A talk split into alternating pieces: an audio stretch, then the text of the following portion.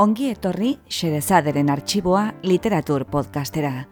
Podcast hau egiten dugu Jasone Larrinagak eta Ana Moralesek leioan eta mungian. Guk bezala, zuk ere uste baduzu, munduan gauza gutxi direla ainatseginak nola ipuinon bat patxada zentzutea, gera zaitez gurekin, eta prestatu munduko kontakizunik bikainenak euskaraz entzuteko.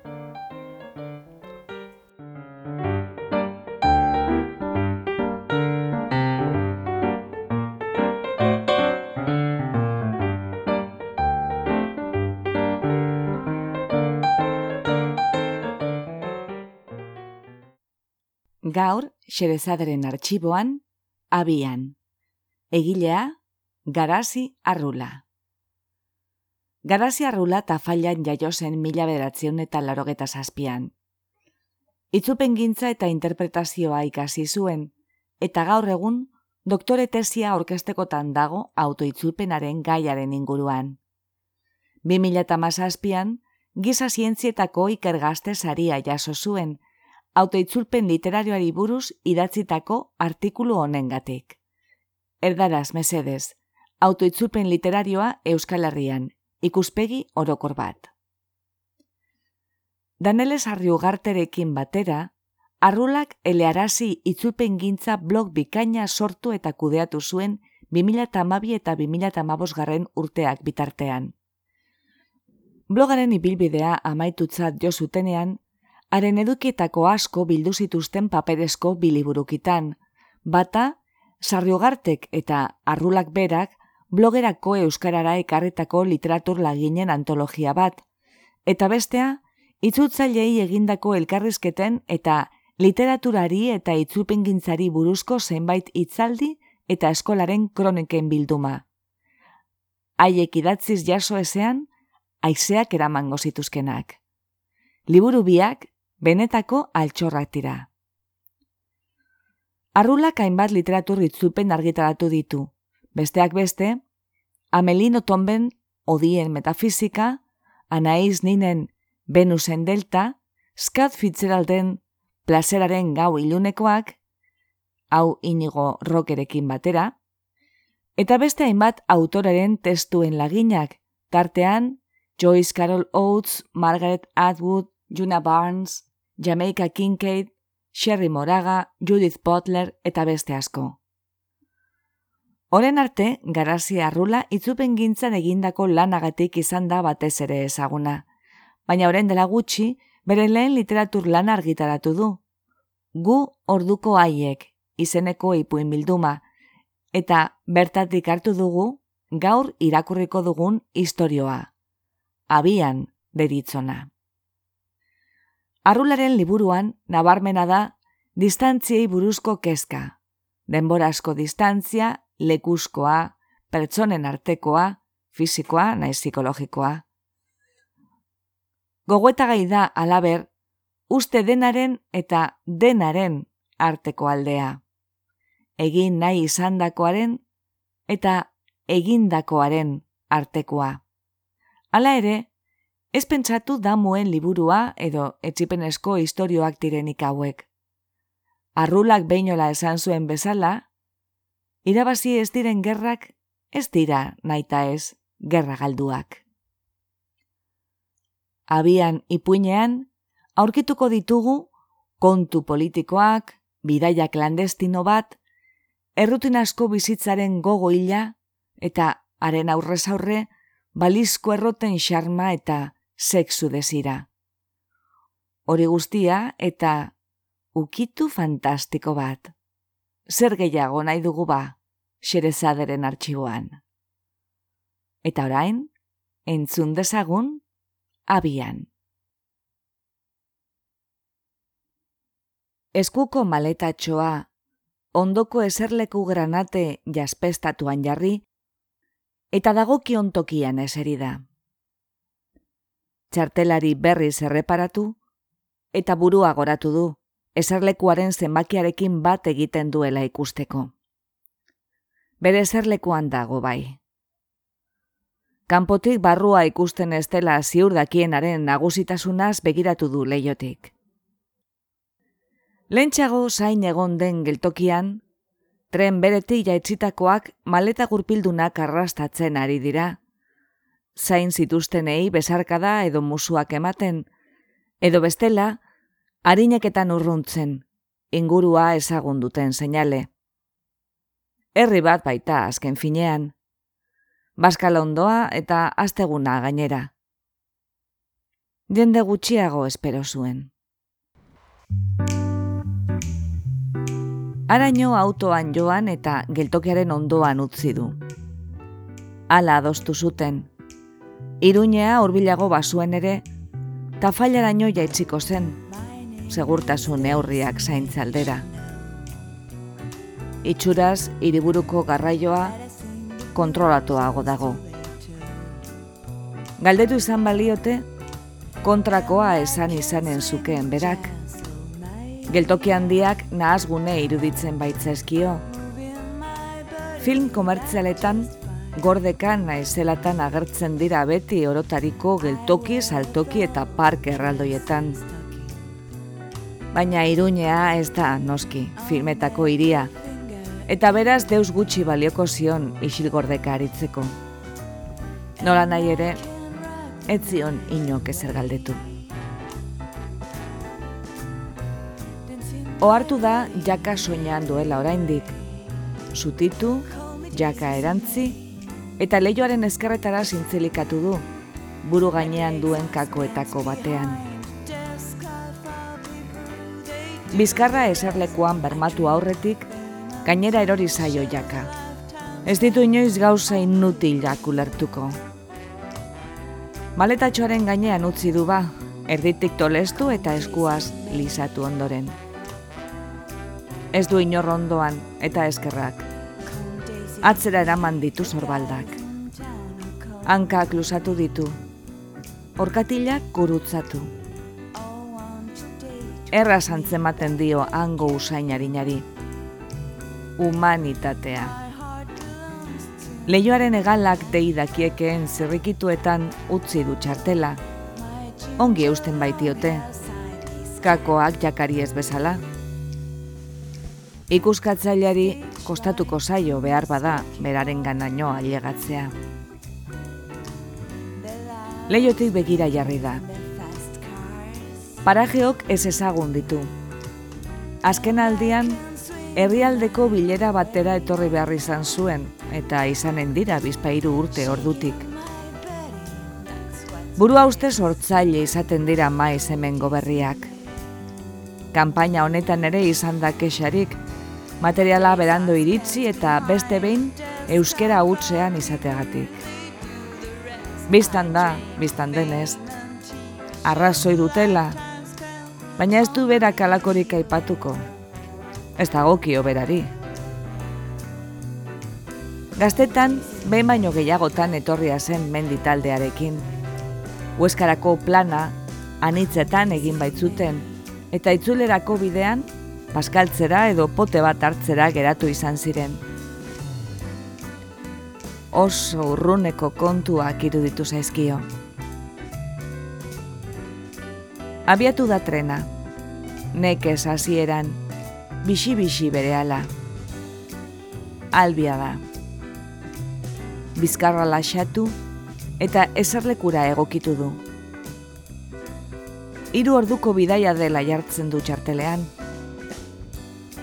Pasabidean atzera eta aurrera ari dira oraindik bidaiariak, eta geltokian zain zegoen emakume bat ezagutu du. Bere eserlekuaren bila da bilera dirudi, goiko apaleko zenbakiei eta eskuko txartelari txandaka begira. Motxila bat darama bizkarrean, zorroa zintzilik, oialesko poltsa bat esku batean, eta iruspala urteko mutiko bat bestean. Leiora giratu du burua berehala, eta bere sorte txarra madarikatu, ama semeak beraren lerroan eseri direnean, pasabidearen bestaldean. Beltzak oroar ozenago mintzatzen direla jakina da, jakina denez. Ez da rasismoa. Hizkuntzaren ekonomia deitzen zaio horri. Beltzak eta espainolak. Okerrago ere izan ziteken, titiko ume bat, pentsa, edo gor samar geratzen hasiatiren biagure. Besoa gurutzatu eta begiak itxi ditu. Ongi daki, ez dela lokartuko. Atzera zabaldu ditu. Guztiak bere lekuan segitzen du.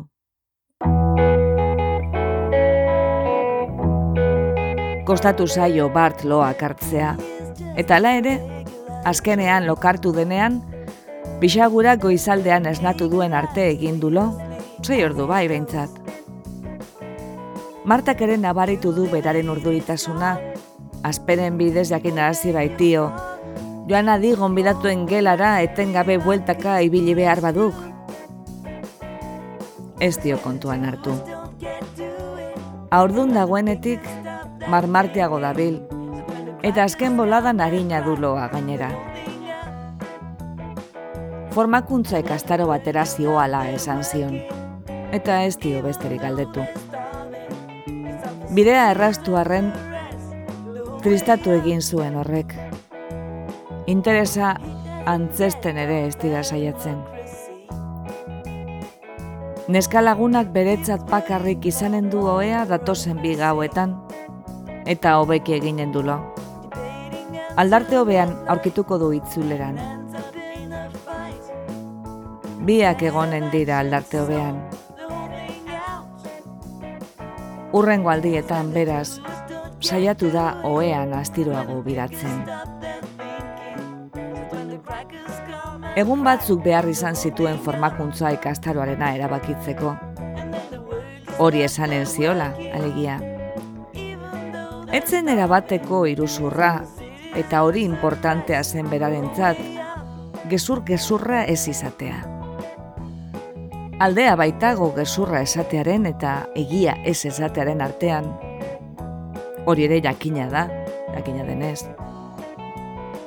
Egun batzuk behar izan zituen, beraren esanetatik erator zitezkeen galderen erantzunak ere pentsatuak baitzituen, ongi hausnartu behar zituen, hain zuzen gezurrik esan nahi etzuelako. Zauak zer delakua, komunikazioan ere berdin. Nola esaten diren gauzak, horretan dago gakua. Zer esaten den baino gehiago, zer isiltzen den, ze hitzez baliatzen garen, okailuetatik hasita, baieskoan edo eseskoan, sintaxitik lexikora. Eta aitor du, bera ez da oso abila horretan, etxeko diplomek bestela badiote ere. Norbaitek esanen luke horretara doala tarragonara, gezurretan ikastera. Gezurra esatea, faltzua den zerbait baiestatzea da. Egia ez dela ez dakigunean ere engainuan intentzioa dago, etekin nahi bat. Alakorik ezean, zerbait faltsua izanen da, gezurra. Bizikeretzarako, ezin bestekoa da gezurra, eguneroko gia. Idatzi zion behin Alexek. Irribarre egin du, paraje ieskorrari begira. Horretara ere.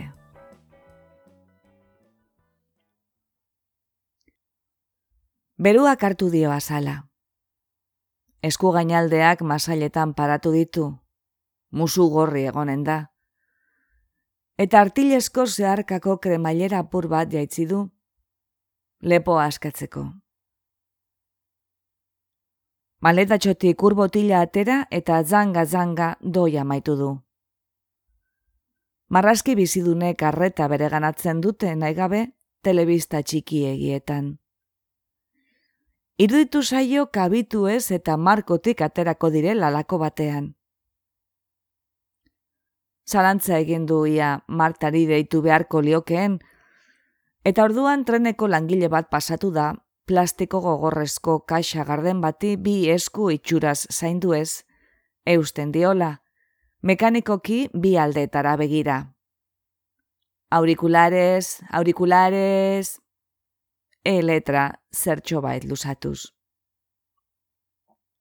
Pare bat hartu ditu badespada, ezin jakin noiz beharko dituen, klinexak eta arkatza ere beti aldean daramatzan gizan. Bi egun eraunen dute, eh, ez dira alzerrik toainik.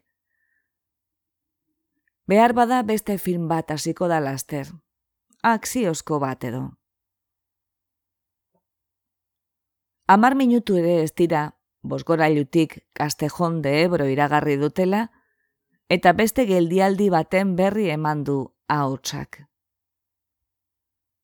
Próxima estación, Tudela de Navarra. Horra hor, hegemonia. Baote beste non baiteko tudelarik. Eta eruditu zaio oso laster ailegatuko direla. Noiz jaitzi zen azkenekoz, beren tuterara. Duela bizpairu urte, Nafarroa oinezera joan ez joan egon zen azken uner arte, eta azkenean dirua sartu zuen kontu korrontean. Dida pasatuko zaio bidaia. Eta gero, asteburu gogoan garri bat hasiko da. Hasia da, suma dezake.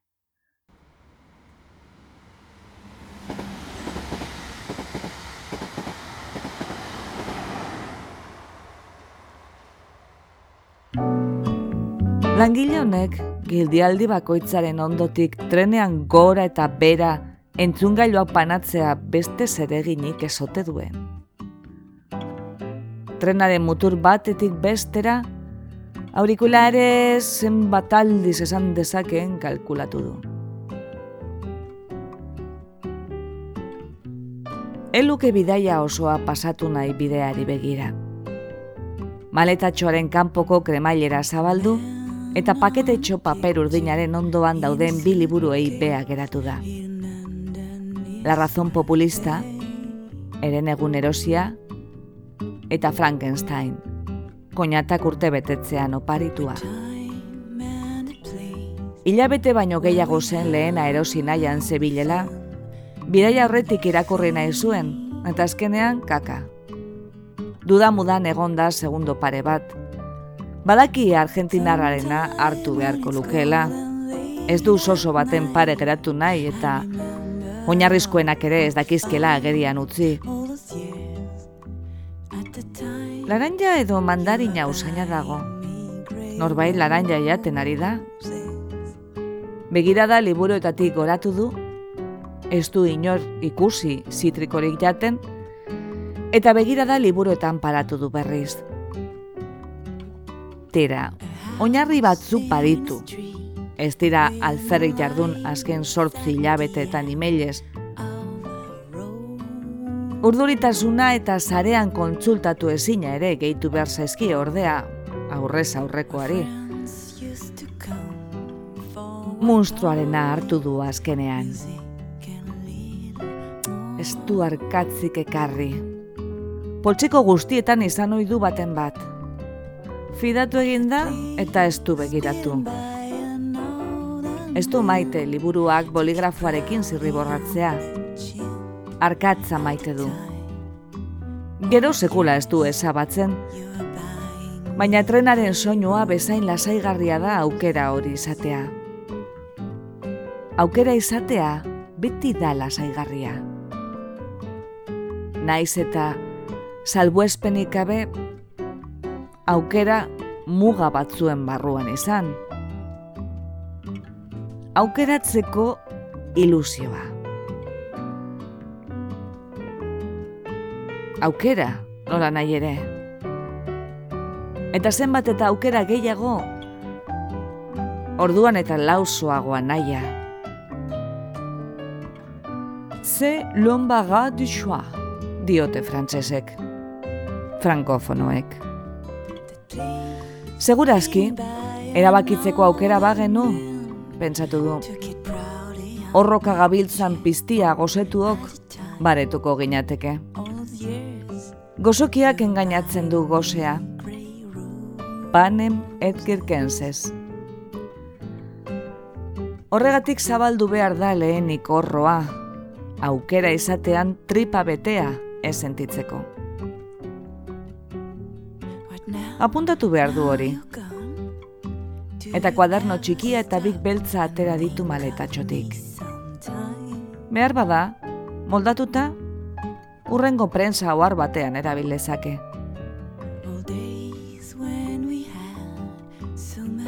Azken aldiko kezka ernatu zaio. Komunikazio politikari ez zaio duen garrantzia ematen. Ara, argi esan da, piperrik ere ez. Politikan eragiteko lehen mailako borroka esparru bihurtu baita, komunikabidekin batera, eta hori oso ongi ikusi eta erakutsi du Podemosek. Bere ordea, itzu itzuan segitzen dute. Borondatearekin aski delakoan. Horregatik dara malaklo maletatxoan. Horregatik eta Alexe komendatu ziolako. Horregatik doa tarragonara. Horregatik eta Alexe konbidatu zuelako. Fikzioa gezurraren pare darabilgu, eta fikzioak, asmazioa izanagatik ere, ez dauka gezurrarekin zer ikusirik. Postaz mintzatzen hasi zirenean, etzekien Alex gizonezkoa ala emakumezkoa zen. Egia esan, gizonezkoa zela pentsatu zuen. Patriarkatua egotzi zaioketen, ez zuen ukatuko. Podemoseko kanpainaren arduraduna, estatuko hauteskundetarako, Alex Martin. Telebistako saio txatxu bat ikusten ari zela, Alexandra batek aurkezleari Alex deitzeko eskatzean ohartu zen bere Alex, ordurarte bere izan etzen hori, emakumezkoa izan zitekela. Zalantza horrek jakin min handia piztu zion. Elkarri bidalitako mesu sorta irakurri zuen gau hartan bertan, berak bidalitakoak barne, orduan ohartu baitzen, maskulinoa zuzendu izanen zitzaiola behar bada. Gaztelania baitzuten komunikazio hizkuntza, hori tamala iruditu arren bai batari bai besteari. Ala dira zizion lehen mesuan Alexek. Bere burua saritzeko genero markarik etzen ordea mesuetan, pluraleko lehen pertsona bakarrik. Zirraragarria zen generoa eskutatu alori. Martari esan zion politasatekeela neska naiz mutilentzat balioko zukeen izen bat hautatzea umearentzat, edo zuzenago esan da, izenak generoa ezin baldintzatzea.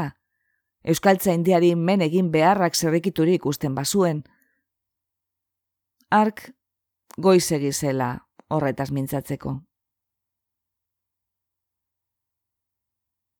Bestela, maskulinoa eta femeninoa jarri ordez, isa bat jartzen zuen zegokion tokian.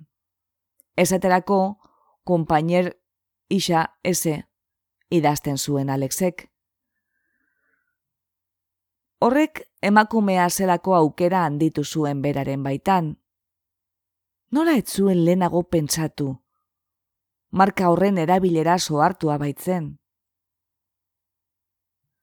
Ordurarte, esker espainol progreen zeratzat hartu izan zuen. Beretarrek egiten zuten bezala behin eta berriz biak esatea baino harinagoa zen. Idatzizkorako soilik balio zuen, hori bai.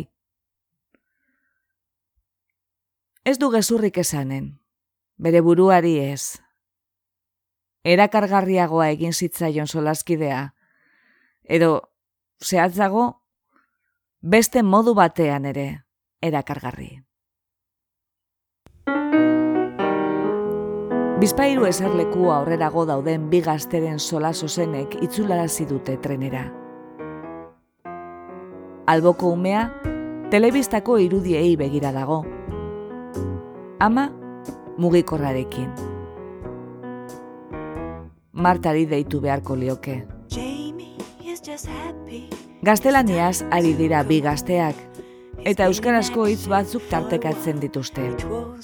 Azterketa, ordezko, laborategi. Biak ari dira ikasten farmaziarekin loturiko zerbait, ikasgaien izenetatik ondorio estatu duenez, eta tarteka irakasleez jarduten dute. Batak esan du, Euskara hartuko duela utasko, kredituak erraz lortu nahi dituelako. Eta besteak aipatu du, horretarako bada, berak nahiago duela kirola utatu. Ongi eginen baitio ariketa pixka batek. Liburua magalean du, baina zertarako jarriko da irakurtzen, azpimarratzeko arkatzik espadu. Ordua begiratu du mugikorrean. Bidaiaren eren bat egina duen eskero. Ikuskatzailea ez da oraindik agertu. Aurikulares bitan pasatu bada ere. Lakloren liburuko aurkibideari begiratu dio. Behar bada, atal solteren bat irakur lezake. Mugikorrean bilatu du Alexek liburua aipatzen zion mesua, eta ahantzia zuen beste erreferentzia bat agertu zaio. Leikofek ongi azaltzen du hori esan nahi markoen bidez. Kontakizunak, zentzuak tira, borrokatu beharrekoa, eta hori oso ongi egin dute beti eskuineko alderdiek. Eskerrekoak aldiz, errealitatea azaltzen tematu dira. Errealitateak ez du zipitzik ere balio, ordea. Ez baitago errealitaterik. Datu utxak dira. Langabezia igo da, gaur egungo hizkuntza politikak ez ditu normalizaziorako helburuak betetzen, zerua urdina da. Hala da? Kontakizunak, markoak sortu behar dira. Kontzeptuak berresan nahitu behar ditugu. Horrela hilegatuko gara jendearen gana. Horrela geure ganatuko ditugu. Gomendatzen dizut bide batez leiko fensaio hori. mesu trukea berri irakurriko du behar bada. Akordatu da baietz, googleatu zuela Leikov eta horrela jakin zuela, besteak beste, pesoek, zapateroren lehen autagaitzaren garaian, jende gorenaren aholkularitza batzordera gonbidatu zuela. Etzion alakorik aipatu, Alexi, dudarik gabe ongi jakinen zuelako hori. Etzen ekarpen bat. Anitzetan imaginatu du enkontrua zer nolakoa izanen den. Ostatu bat erreserbatu du, bada espada. Alexek esan zion arren baduela gelatxo bat libre etxean. Ez du egoera de zerosorik sortu nahi, zer gerta ere. Mesuetako batean, jo misma, jarri zionetik, alegia, zalantza izpi oro baster utzia zuenetik. Alex izan zitekeen hori bilatu zuen Podemosen mitin nagusien bideoetan, zarean. Estatuko hauteskundetarako alderdiaren komunikazio arduradunak hurbil behar zuen. Urte beterako kontratatu zuten, kanpaina prestatzeko. Barne funtzionamenduaz pistak ematen zituen noiz behinka mezuetan, gehiagi zehaztu gabe beti ere. Bada paperezko prentza guztia irakurtzeko eta gainontzeko komunikabideetan esaten direnei begiratzeko lantalde bat, unean unean ze gai aipatu eta zerrez erabakitzeko. Badira, datuak eta eunekoak emateaz soilik arduratzen diren bi soziologo, eta amar pertsona beraria saritu ziren iglesia zen lauko debatea prestatzen. Pentsatzea ere. Bitartean, gu antipodetan. Ustez, aurkitu zuen alako batean, Mitin batean baino gehiagotan agertzen zen hile motzeko lauaxetar betaurreko dun bat. Ark izan behartzuen. Aurpegia jarri zion Alexi. Zalantza izpirik ez. Berari etzion deus esan, noski, eta larruzko maletatxo marroi bat eta belaunetarainoko txamarra urdin iluna eramanen zituela esan zionean, Alexek berokin magenta bat aipatu zian. Magenta, korria eta urdina nahaztearen emaitza zela azaldu zion Martak. Utsetik botatako galdera sarrituta.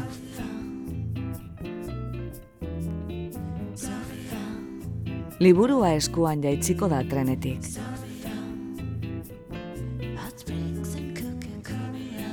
Ez, pedante samarra iruditu lezake. Bi musu emanen dizkio. Hori aski onartua dago. Alexe galdetuko dio ia lehenik ostatura joan nahi duen gauzak ustera eta berak baietzer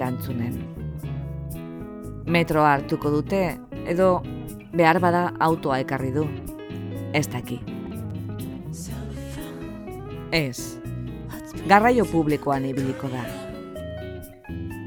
Trena erosoa dela erantzunen dio, ze moduz bidaia, galdetuko baitio, eta bestelako azalkeria beharrezkoetan pasatuko dituzte lehen minutuak.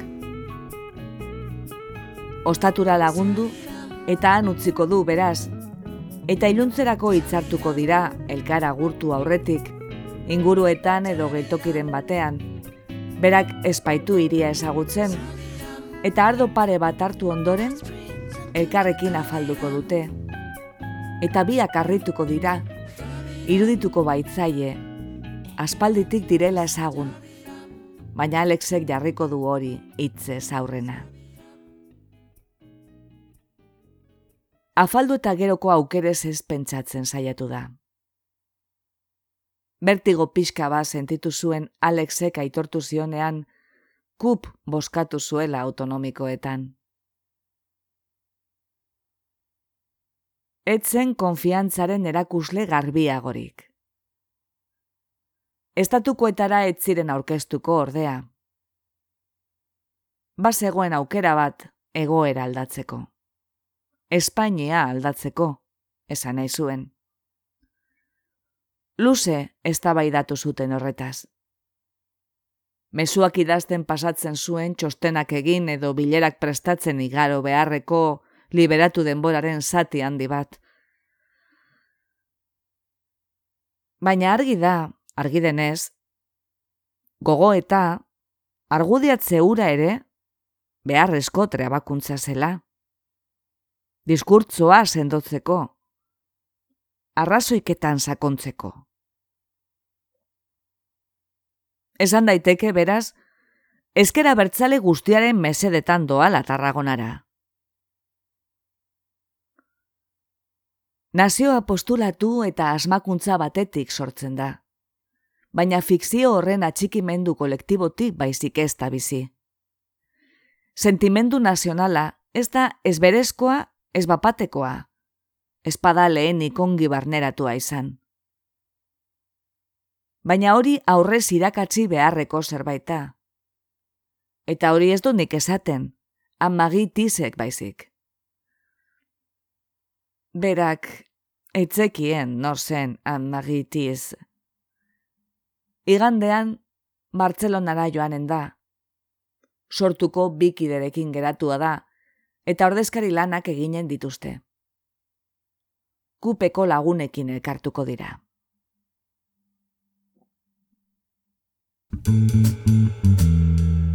Hor guztia edan du, eta orain pixagale da. Gozo ere bada. Goiz bazkaldu du, eta ez du deus ekarri askaritarako. Urduritasunari egotzi dizkio eguneko bi hanka sartzeak. Oikoan, zuhurtzia falta ez da izaten beraren ezaugarri behinena. Laranja fresko ba janen luke gustura. Dagoeneko ez dago zitriko usainik. pisa egin behar du. Aurrera atzera begiratu du, bagoiak lotzen dituzten ateetako kristaletan zehar. Komunak urrengo bagoiaren bukaeran daude. Zaragoza deliziaz. Iragarri du ahotsak. Behar bada, kafetegira joan liteke komunera bidean, eta gozoren bat erosi. Aurikulares pasatu zain geratuko da, kafetegia non den galdetzeko. Martari deituko dio bitartean. Mugikorra atera eta pilatutako WhatsAppak irakurri ditu. Pantailan atzerakuslea betiko ere irristatuz. Kuadrilako taldea afari bati buruz data ezin adostuz. Nazionaleko taldean, eledunari notiziasen egindako ekarrizketaren esteka eta horri buruzko iritzi trukea. Nazionaleko lagun batek ekarrizketa beraren iruzkin gaiztoa, berari bakarrik bidalia, irribarre bat. Ama, asteburuan baskaltzera joanen ote diren deus presaskorik ez. Alexen mesurik ez. Mugikorra poltsiko berean atzera gorde, eta leiotik begira jarri da. Goraino ibiliko da, azken egunetako zurrumbiloan. Ez dakiz ere ginen duen bera lanean den bitartean interneten turismo horria begiratzea pentsatu zuen, baina horretan ere kale. Seguro museoren bat badela. Ez, ongi daki, ongi dakien ez, dela museoetara joanen. Entzuna du badela anfiteatroren bat. Bestela ere, portuan eta ondartzan ibiliteke edo hobeki terrazaren batean eseri eta irakurri, garagardoa eta oliba batzuk eskatuta. Ederra izanen da. Bihar dute Podemosekoek mitin nagusia, ostiralean, naiz eta ez den joanen, ez du karga izan nahi Alexentzat. Ordenagailua maletatxoan darama, hobe du lan batzuk aurreratu. Bezperan, adostuta utzi zituzten alderdiaren emaitza txar eta ez hain txarren araberako irakurketak, indarguneak, ahalguneak, ze ideia nabarmendu behin eta berriz, oso berandu etxeratu zen. Marta afaldua zen, aspaldi, eta etzion deus utzi prest. Kolakao bat egin, eta tostarrikak busti zituen. Autoa ekarri zan balu zikera, inguruko erritxoetara joan zitekeen. Zergatik ez da auto zetorri. Igandean, oztopo izanen da Bartzelonara joateko. Alaxe esan zion Alexek. Arrazoi zuen. Baina autoa tafailan zergatik utzi duen arrazoitu beharko die igandean alderdikidei, edo bestela, iruñeraino haiekin joan eta gero atzera autoaren bila itzuli beharko du. Ara ze buru austea. Ze axolako zion ba trena iruñan hartzeak. Ze segurtasun neurri eta ze pitokeria, ez da erakundearekin elkartu beharko balu ere. Ez daki zergatik eskatu zion alakorik Alexek. Zergatik onartu zuen berak alakorik. Grazia egin zion, eta misterio puntu bat erantzi kontuari. Ara, ez da enbesterako ere. Aurikularezek esan dio komunaren urrengoa dela kafetegia, eta laster direla leidara ailegatzekoak entzungailu pare bat hartu dizkio, informazioaren truk. Bere ala iritziko dira, baina ez daki eutxiko dion. Ez da itxura ez du talarri iristea. Ikuskatzailea pasatuko da bera ez dagoela, behar bada. Ez du txartela utziko. Eta maletatxua? Mugikorra poltsikoan du, baina zentzuzkoagoa izanen da bat diru zorroa aldean eramatea. Ama semeen aldera begiratu du eta guztia anutzita komunera doala eta bere gauzei begiratzeko eskatu dio emakumeari. Lehorreko kondartzen bezala. Irri barrez erantzun dio.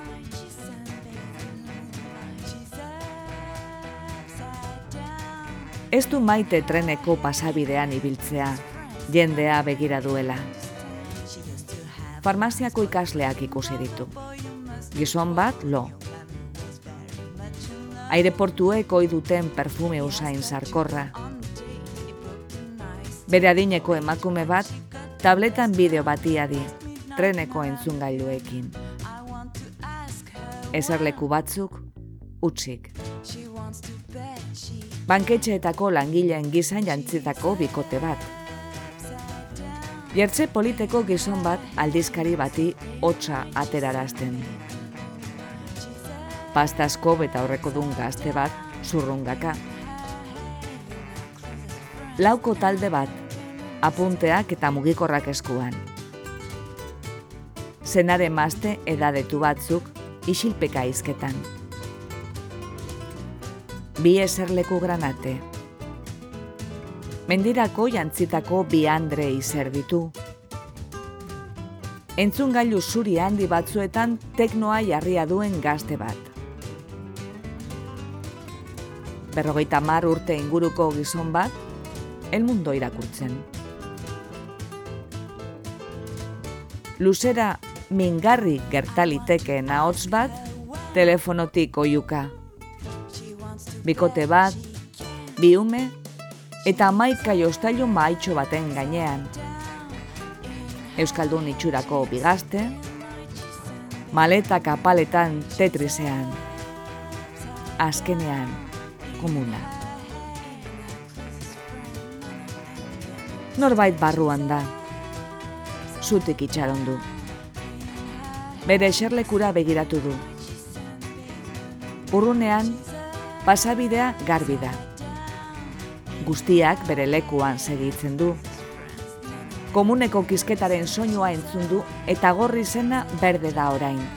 Barruan zegoen gizona atera eta elkarri leku egin diote bizkarrak paretaren kontra botata, kortesi asko hitzerdi bat, atzera berdea gorri.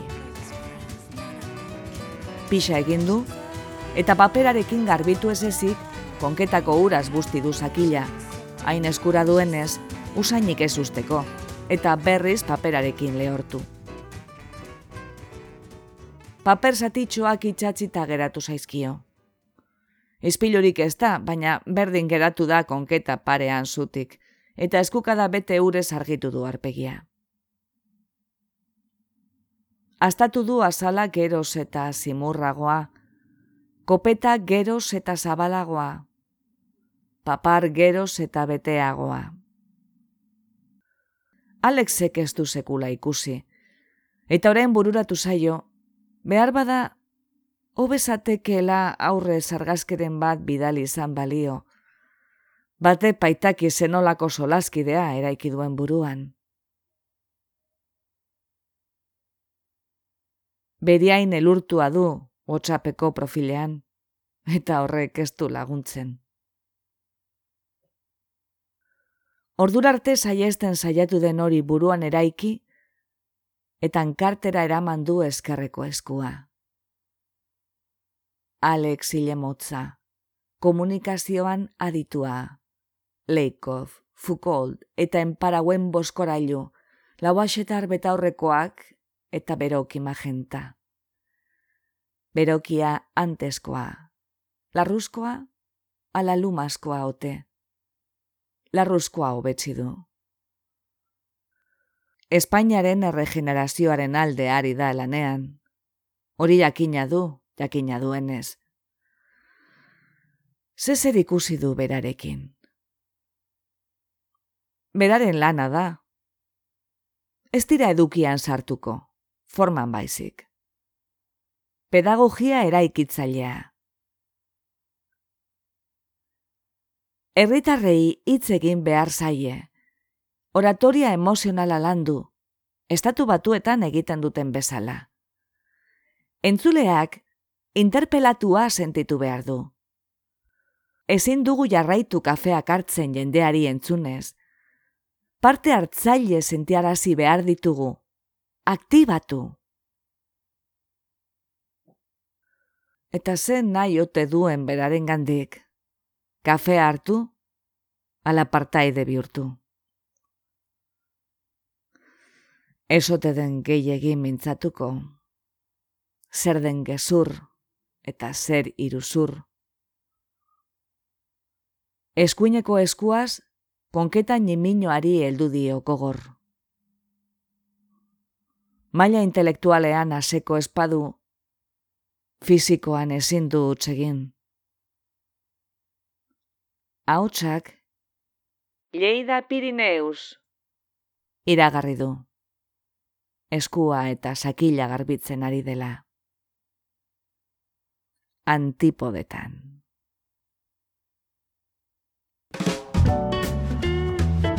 Trena berriz martxan jartzean atera da komunetik.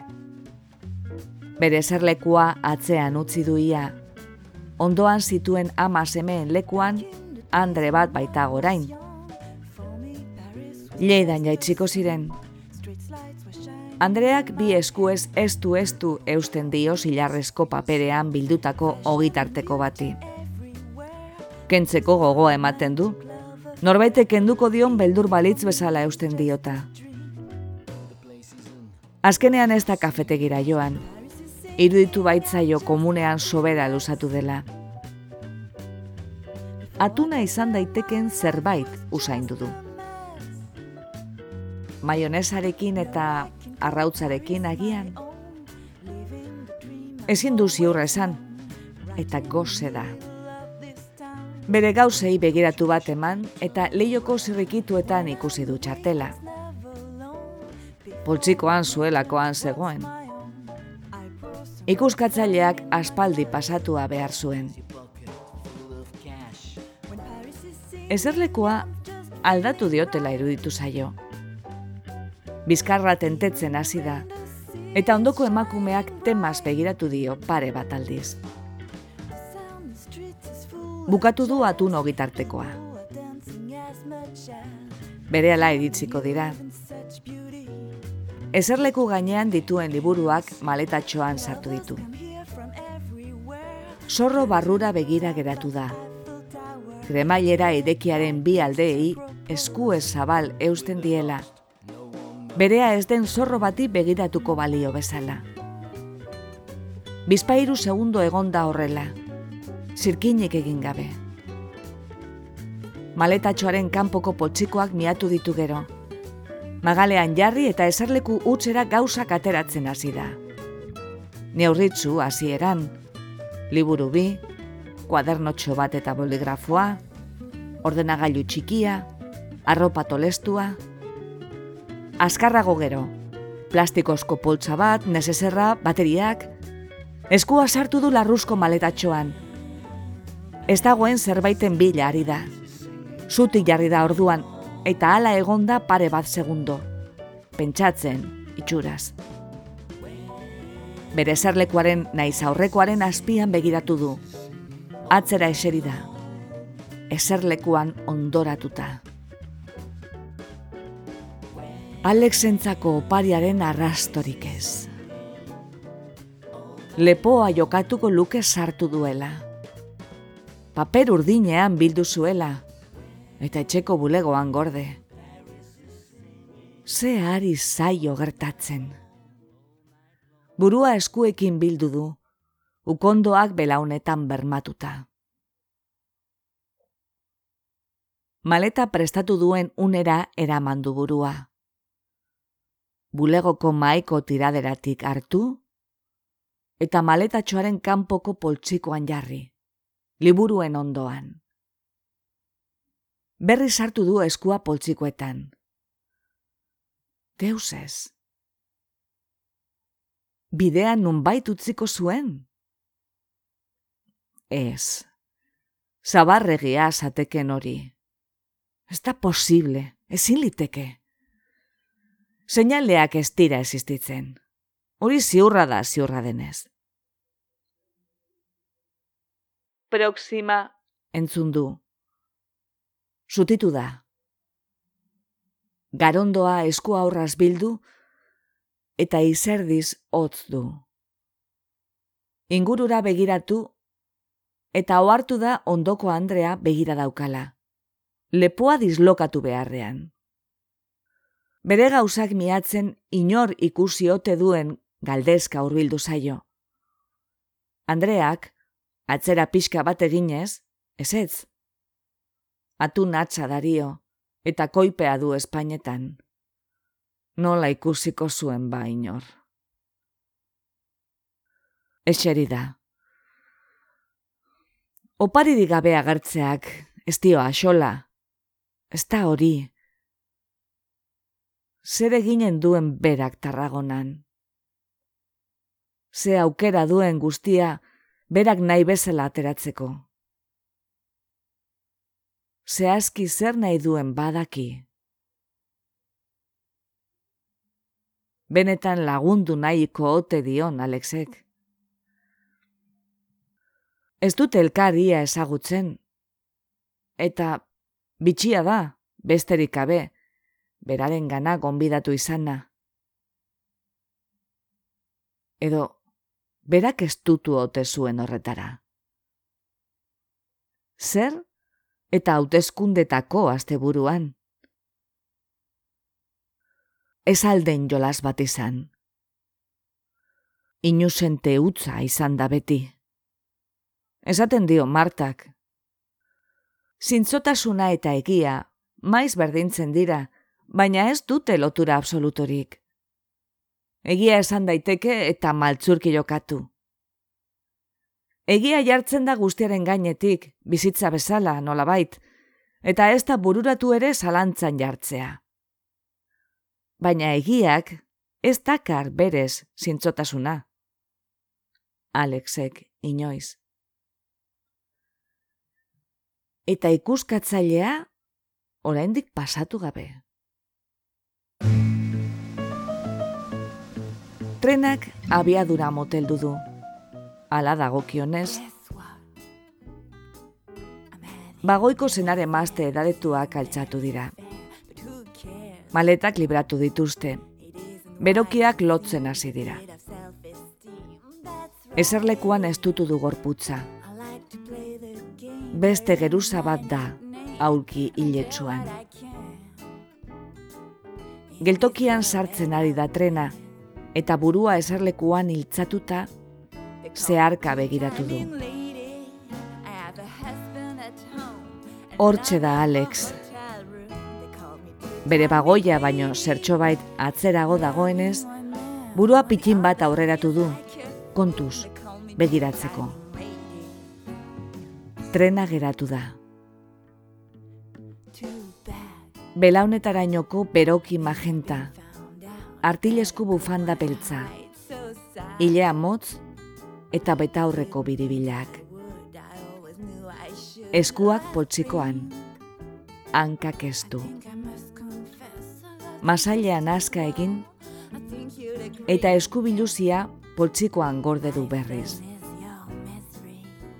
trenari begira. Adi. Beroa sentitu du gorputzean gora. Ezin ditu giarrak mugitu. Lotxatuta dago. Aitzakiaren bat asmatu beharko du. Gezurra. Iruzurra. Zuzenena egiten ari ote den bidaiariak jaizten ari dira. Ahotsak osendu dira. Beste batzuk igotzen ari. Oraindik badu aukera. Apur bat giratu da orduan, Alex. Irribarre egin du. Daueneko ez dio trenari begiratzen. Gizon bat urbiltzen ari zaio. Hogeita mabost urte inguru. Txamarra urdin iluna soinean. Etzaio arpegia ikusten. Bitz, eta eskua eman dizkiot elkarri. Epe samar, ezagutu berri. Salto batez altzatu da eserleku granatetik. Atun Andrea begira du berriz, edo oraindik. Jo du trenak, eta soinuarekin batera egin du atetaraino, urratz luzez, baina itxita daude, eta ez da zabaltzen saiatu, eta pasabidean atzera ari da orain. Leiu batetik bestera begira, Alexen parera iritsi nahian. Gizonak, eskua txamarra urdineko poltsikora eraman, eta paketetxo paper urdin bat atera du. Zerbait esan diote elkarri. Alexek opari hartu eta irribarre egin du. Burua apur bat makurtuz. Ez, ez, ez, afalosteko kopa hartu bitartean emanen zion. Trena, abian da berriz, motel, eta leio bat jotzen hasi da, eskua zapal, zaude, iruzurti bat ta, oartarazi nahi dio. Gezurra da! Bagoiko jendea begira dauka, ez dute ulertzen. Alexek eta besteak bizkarra ematen diote trenari, eta txikiagotzen ikusi ditu.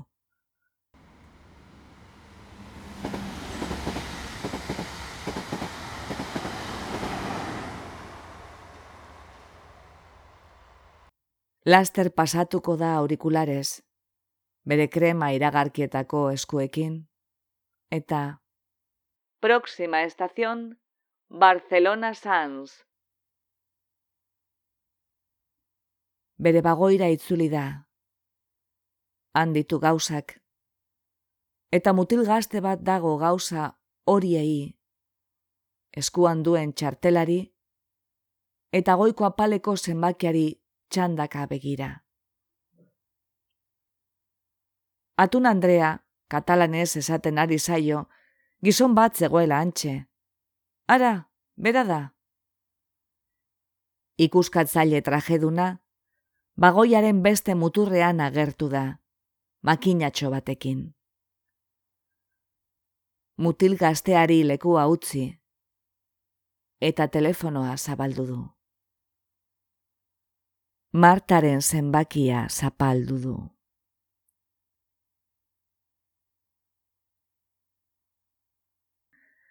Entzun duzu, abian, egilea, garazi arrula.